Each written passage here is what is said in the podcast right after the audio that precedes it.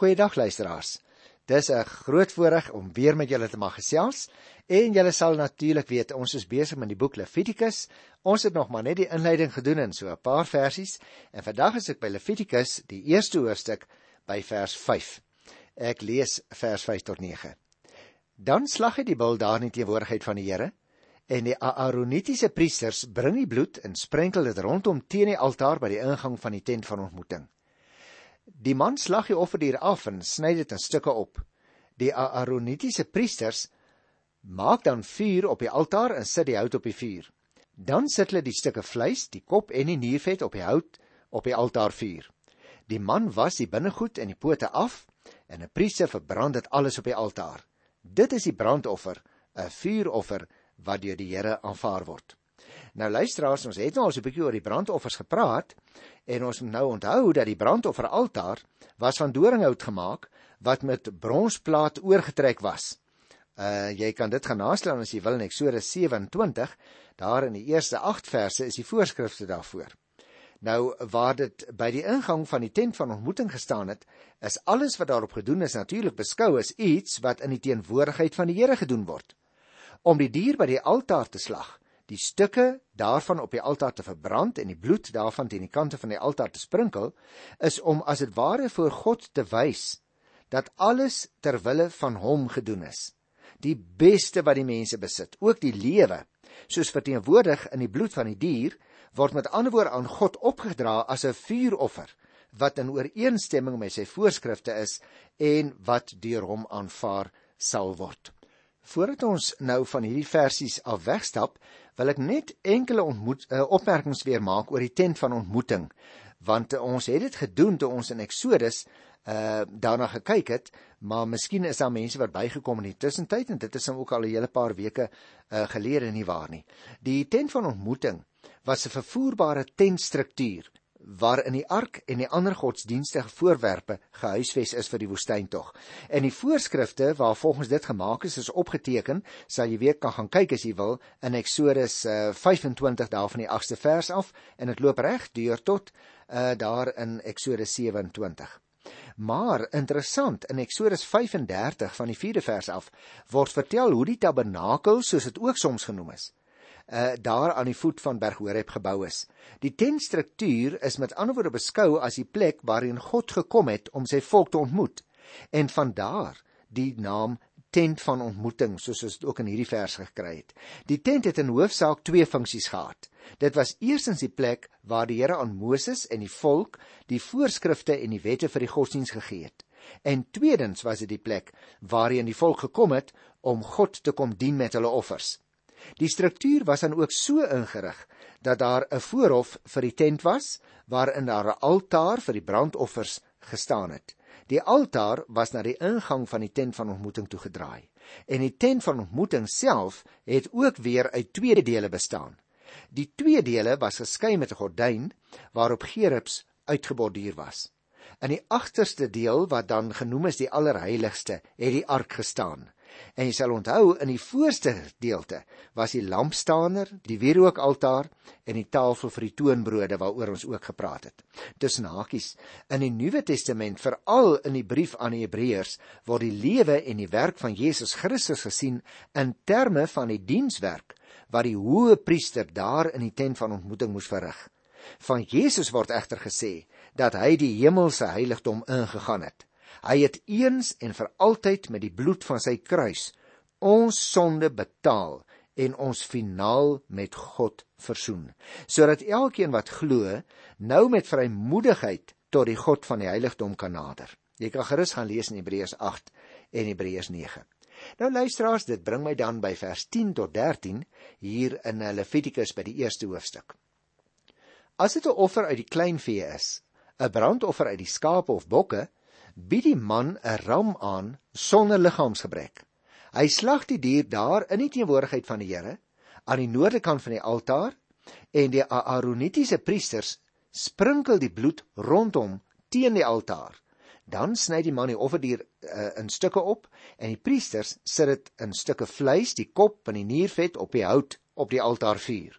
Die man was die binnegoed en die pote af en die priester bring dit alles op die altaar en verbrand dit. Dit is die brandoffer, 'n vuuroffer wat deur die Here aanvaar word. Nou jy sal onthou luisteraar, ek het uh, van tevore gesê dat juis aan die elkeen uh, van hierdie afdelings, naamlik waar 'n bul geoffer word, waar 'n stuk kleinvee geoffer word of waar 'n duif geoffer word, word hierdie sinnetjie elke keer herhaal wat ons hier aan die einde van vers 13 ook kry. Dit is die brandoffer, 'n vuuroffer wat deur die Here aanvaar word.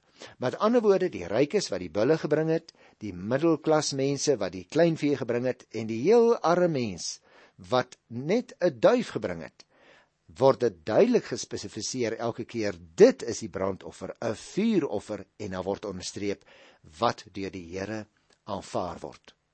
En daarom as ons nou hier in hierdie paar verse 10 tot 13 die voorskrifte kry vir die ramme as brandoffers, dan moet ons onthou dat dit nie die grootte of die waarde van die offer op sigself is wat tel nie, maar die waarde in terme van die een wat dit offer word in hierdie deel na vore gebring. Indien 'n persoon nie in die vermoë sou wees om 'n bul te offer nie, maar wel 'n kudde klein vee aanhou, dan mag hy die waardevolste uit daardie kudde van hom kies. En dan mag hy byvoorbeeld 'n bokram of 'n skaapram bring om te offer. Die wyse waarop hierdie offer gebring word, stem presies ooreen met die wyse waarop die bul geoffer is. Dit is net so 'n goeie brandoffer vir die Here uh as wat die vermoënde man se buloffer vir die Here sou wees. En, daarom is dit baie interessant dat ons al opmerk luisteraars, die diensdoende priester se eerste taak was om te sê of die offerdier sonder gebrek was en daarom uh, sou dit aanvaarbaar wees of nie. So dit is 'n baie belangrike geestelike aspek waaroor die priester die wag moet hou. Dan moet hy natuurlik die bloed opvang sodra die dier se keel afgesny is, want bloed was vir die Israeliet die uh, waarborg as dit ware. Dit was die setel uh en die draer van die lewe. En die lewe en dis ook die bloed het aan God behoort.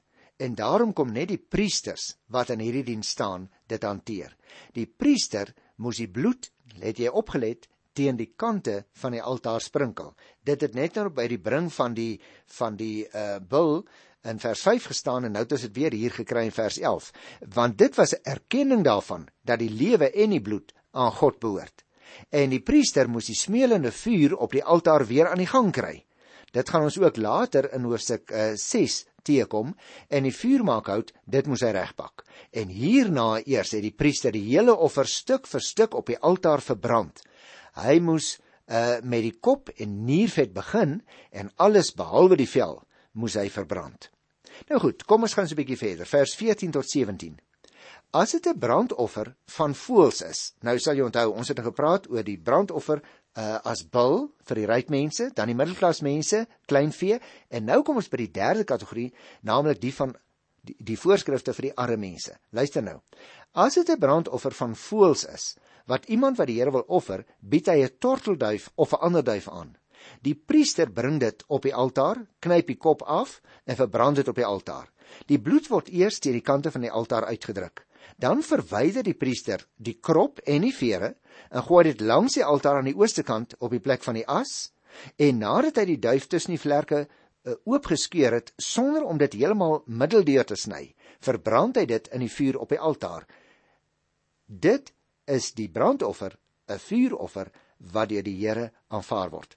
Nou luisteraar, ek het nou spesifiek hierso die laaste sinnetjie stadig gelees. Omdat jy onthou, ek het daarop gewys dat dit elke keer gesê word na 'n bul geoffer is of na 'n stuk kleinvee geoffer is of 'n duif. Dit is die brandoffer, 'n vuuroffer wat deur die Here aanvaar word.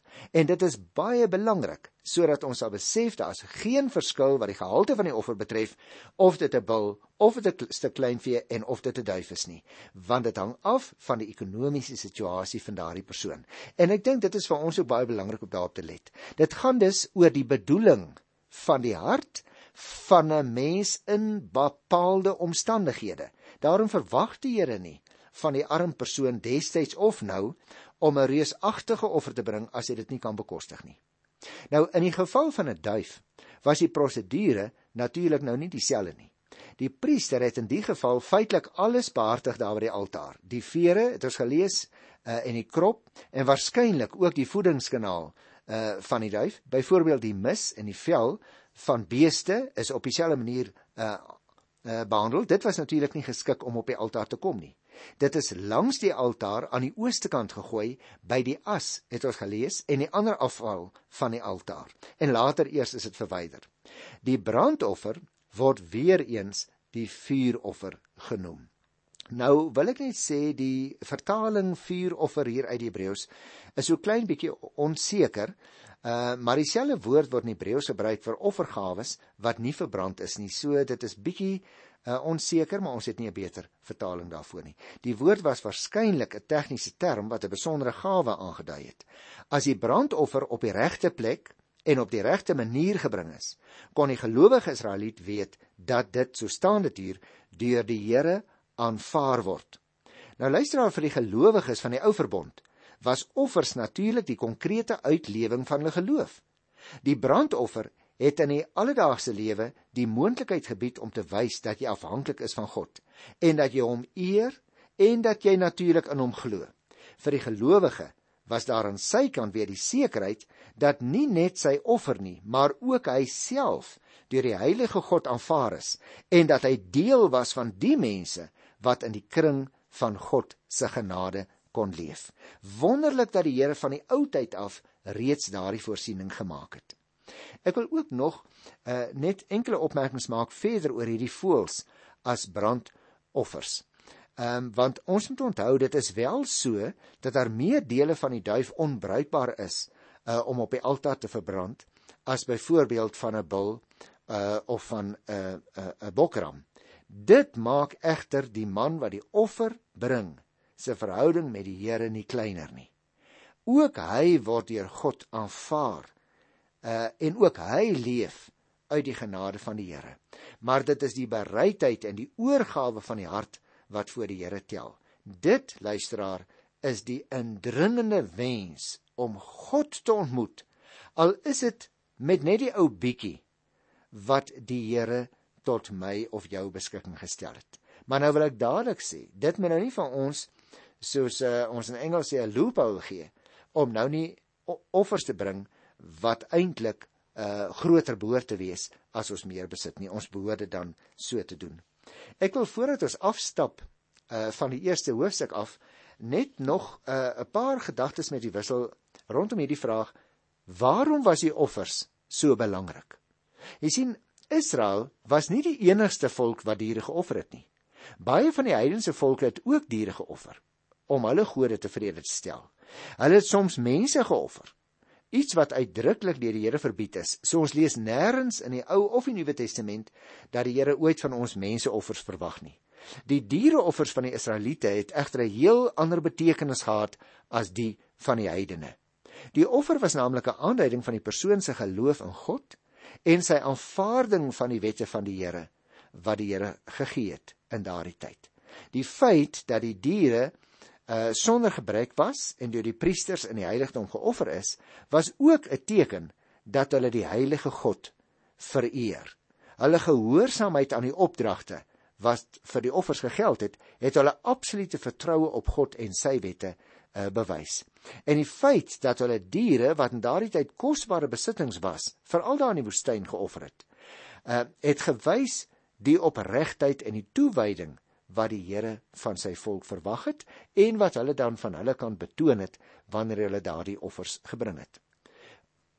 Omdat die sonde God en mens van mekaar vervreem het, was daar gedetailleerde instruksies vir elke offer baie spesifiek. Die streng vereistes wat die Here gestel het, het voorkom dat die volk onverskillig teenoor die Here uh, en die offers wat hulle aan hom bring sou raak. Elke offer het op die erns en die omvang van die sonde gewys, maar ook op God se groot genade om die sondaar te vergewe en genade aan hom te betoon. Die dissipline van die offerstelsel was dus nodig om die verhouding tussen God en die gelowige te konkretiseer en in stand hou ook in die alledaagse lewe. Nou luisteraars, dit bring ons dan by die volgende hoofstuk en ek gaan maar dadelik vandag daarmee begin. Ehm uh, bo-aan sal jy sien in jou Bybel uh by Levitikus 2 staan daar die graanoffer.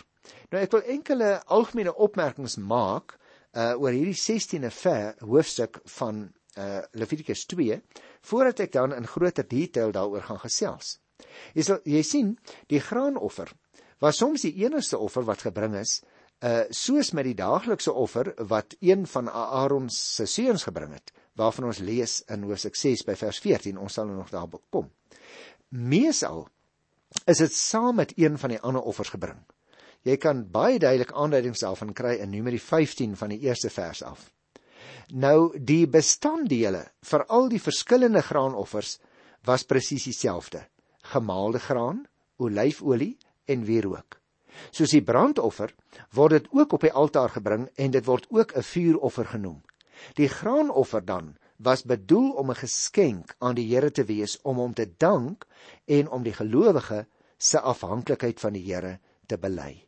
Die Here is naamlik die een wat die graan laat groei en die brood daarvan aan die mens gee om te eet. Nou vir die priester was dit juis waar hulle hulle kos vandaan gekry het. Daarom hierdie tweede soort offer wat nou hier beskrywe word is die uh, graanoffers. In die tyd van die Ou Testament moet jy natuurlik ook onthou dat ehm um, die twee offers nie geskei kon word nie, soos ek nou net gesê het. Graanoffers en brandoffers ehm um, is te gelyk gebring. En dit is ook waarskynlik die rede waarom die voorskrifte daarvoor net na die van die brandoffer gegee word. Ons het die eerste gekry, die brandoffer se voorskrifte in Hoofstuk 1 en nou kom ons by die voorskrifte vir die graanoffer hier in Hoofstuk 2.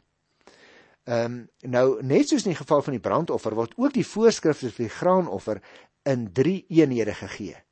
Dit gaan eers oor die rou graan in die eerste 3 verse, dan oor graan wat op 'n uh, eh, moontlike maniere gaar gemaak is. Dit is hier van vers 4 tot by vers 10 en dan in die laaste gedeelte vers 11 uh, eh, tot by vers 16 alle oorblywende voorskrifte word daar gegee op graanoffers. Ehm uh, wat mense wou bring. En elkeen van hierdie drie eenhede word weer eens afgesluit met 'n sin waarin die woorde 'n vuuroffer vir die Here voorkom. Met ander woorde aan die einde van vers 3, aan die einde van vers 10 en ook aan die einde van vers 16.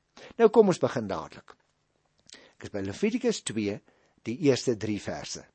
Wanneer iemand vir die Here 'n graanoffer wil aanbied, kan hy meel aanbied. Hy gooi daar olie oor en sit sit wierook op.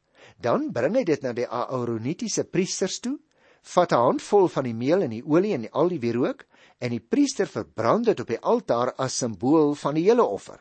Dit is 'n vuuroffer wat deur die Here aanvaar word. Die oorblywende deel van die graanoffer is vir Aaron en sy seuns. Dit is 'n besondere gewyde gawe, 'n deel van die vuuroffer wat vir die Here gebring is. So staan dit hier letterlik in die teks geskrywe. Nou luisteraars, anders as in die geval van die brandoffer, is die graanoffer nie in sy geheel op die altaar verbrand nie. Dit het jy seker nou net gehoor toe ek die teks gelees het. Met ander woorde, 'n deel van die graanoffer is op die altaar verbrand. Die res het die priesters geëet. Die graanoffer het die mense daaraan herinner dat hulle kos van God afkom en dat hulle van hom afhanklik is vir alles. Die priesters het voltyds in God se diens gestaan en hulle was afhanklik van hulle deel van hierdie offer vir hulle daaglikse voedsel, net want hulle het nie self veestapels besit as priesters nie. Die grootste deel van die offer uh word dus gegee uh aan Aaron en sy seuns. En omdat dit 'n gewyde gawe is, het ons nou gelees daar aan die einde van vers 3, kon alleen manlike nageslagte van Aaron wat as priesters gewy was, dit eet. Dis interessant, né? Hulle moes dit in die voorhof van die heiligdom eet, want niemand is toegelaat om 'n besondere gewyde gawe uit die gebied van die heiligdom weg te neem nie. In die tyd van die tweede tempel was daar later in die geskiedenis 'n spesiale stoorplek vir hierdie besonder gewyde gawes en ook vir ander offers wat deur die priesters gebruik kon word. Jy kan daarvan 'n aanduiding kry in Nehemia, die 13de hoofstuk van die 4de vers af. Die graanoffers was 'n teken van die een wat offer sy goeie trou aan die Here. Dit was ook 'n daad van toewyding aan die God wat die saad gee aan die saaier en die brood aan die eter. Deur die graanoffer kon die gelowige ook sy dankbaarheid en sy gehoorsaamheid tot uitdrukking laat kom. Die graanoffer het die praktiese nut gehad dat dit die Aaronitiese priesters van hulle belangrikste daaglikse kos in die tempel voorsien het. En deur die graanoffer het God gesorg vir die wat in sy diens staan. Kom ons kyk nou na vers 4. Wanneer jy 'n graanoffer uit die oond aanbied, met ander woorde, jy sal onthou ek het vir jou gesê, die eerste uh, is 'n uh, handvol van die mengsel wat op die altaar geoffer is, maar nou hier kom ons by die tweede afdeling. Wanneer jy 'n graanoffer uit die oond aanbied, uh, moet dit fynmeel wees. Dit kan ongesuurde ringbrood wees met olie geknie en ongesuurde roosterkoek met olie gesmeer.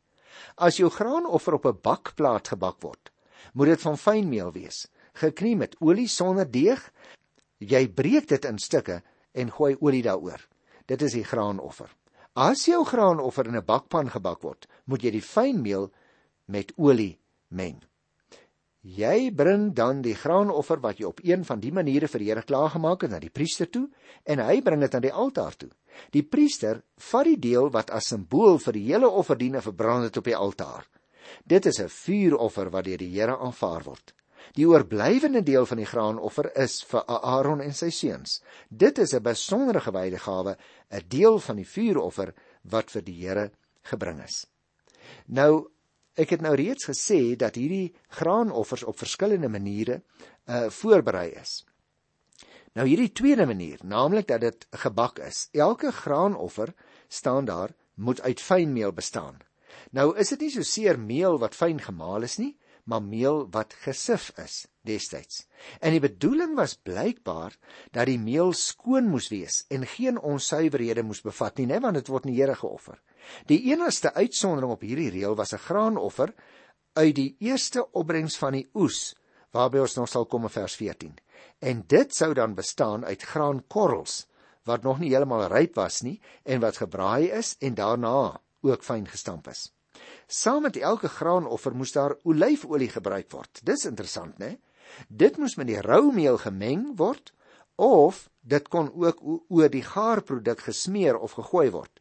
'n Bietjie wierook is ook altyd saam met die graanoffer verbrand, staan hierso. Wierook tussen hakies is verkry uit die gom of die hars van sekere bome in Suid-Arabië. Dit is dus goed wat nie eie was aan Palestina nie. Die suiwer wierook wat saam met die graanoffer gebring is, moenie verwar word met die wierookoffer wat uh, ook ander bestanddele bevat het nie, maar ons het daaroor gepraat in Eksodus by die 30ste hoofstuk. Nou luisteraars, ek gaan nou afsluit met die derde tipe. Want hier van vers 11 af staan daar geen graanoffer wat vir die Here aangebied word mag suurdeeg in hê nie. En dan staan in die 14de vers wanneer jy vir die Here 'n graanoffer uit die eerste opbrengs van die oes bring, dan mag dit gebraaide koring of stamp koring wees. Net 'n kort opmerking oor hierdie suurdeeg en sout in hierdie vers 11 tot by vers 16. Terwyl dit glad nie in die ander offers verbied was nie, was dit wel verbode dat daar enige offer wat met vuur verbrand word enige suurdeeg of heuning teenwoordig mag wees. Nou of dit met die gisting wat suurdeeg veroorsaak te doen het of met die beskouing dat baie onrein diere met vlerke is wat onrein heuning maak en of suurdeeg en heuning op die altaar iets met bepaalde heidense praktyke van daai tyd te doen gehad het, uh, dis nie vir ons duidelik nie. Ons weet nie regtig hoekom dit so voorgeskryf is nie. Terwyl hierdie uh, goed egter uit die offer weggehou is, was dit wel verpligtend om altyd sout by die graanoffer te gooi. Die sout moes die volk herinner aan hulle verbond met God. Net soos die sout die offer bewaar het van verderf, moes die verbond van God en sy wette die volk bewaar van verderf en goddeloosheid. Daarom is dit baie interessant, luisteraar, gaan kyk maar in Matteus 5, daar by die 13de vers, waar ons ook lees dat jy en ek die sout vir die wêreld moet wees. Ek groet jou dan op hierdie Nuwe Testamentiese punt hier uit Levitikus 2 in die wonderlike naam van ons Here wat die Ou en die Nuwe Testament se voorskrifte gegee het. Dit is dieselfde God wat nog steeds met ons praat uit Ou en Nuwe Testament. Tot volgende keer. Totsiens.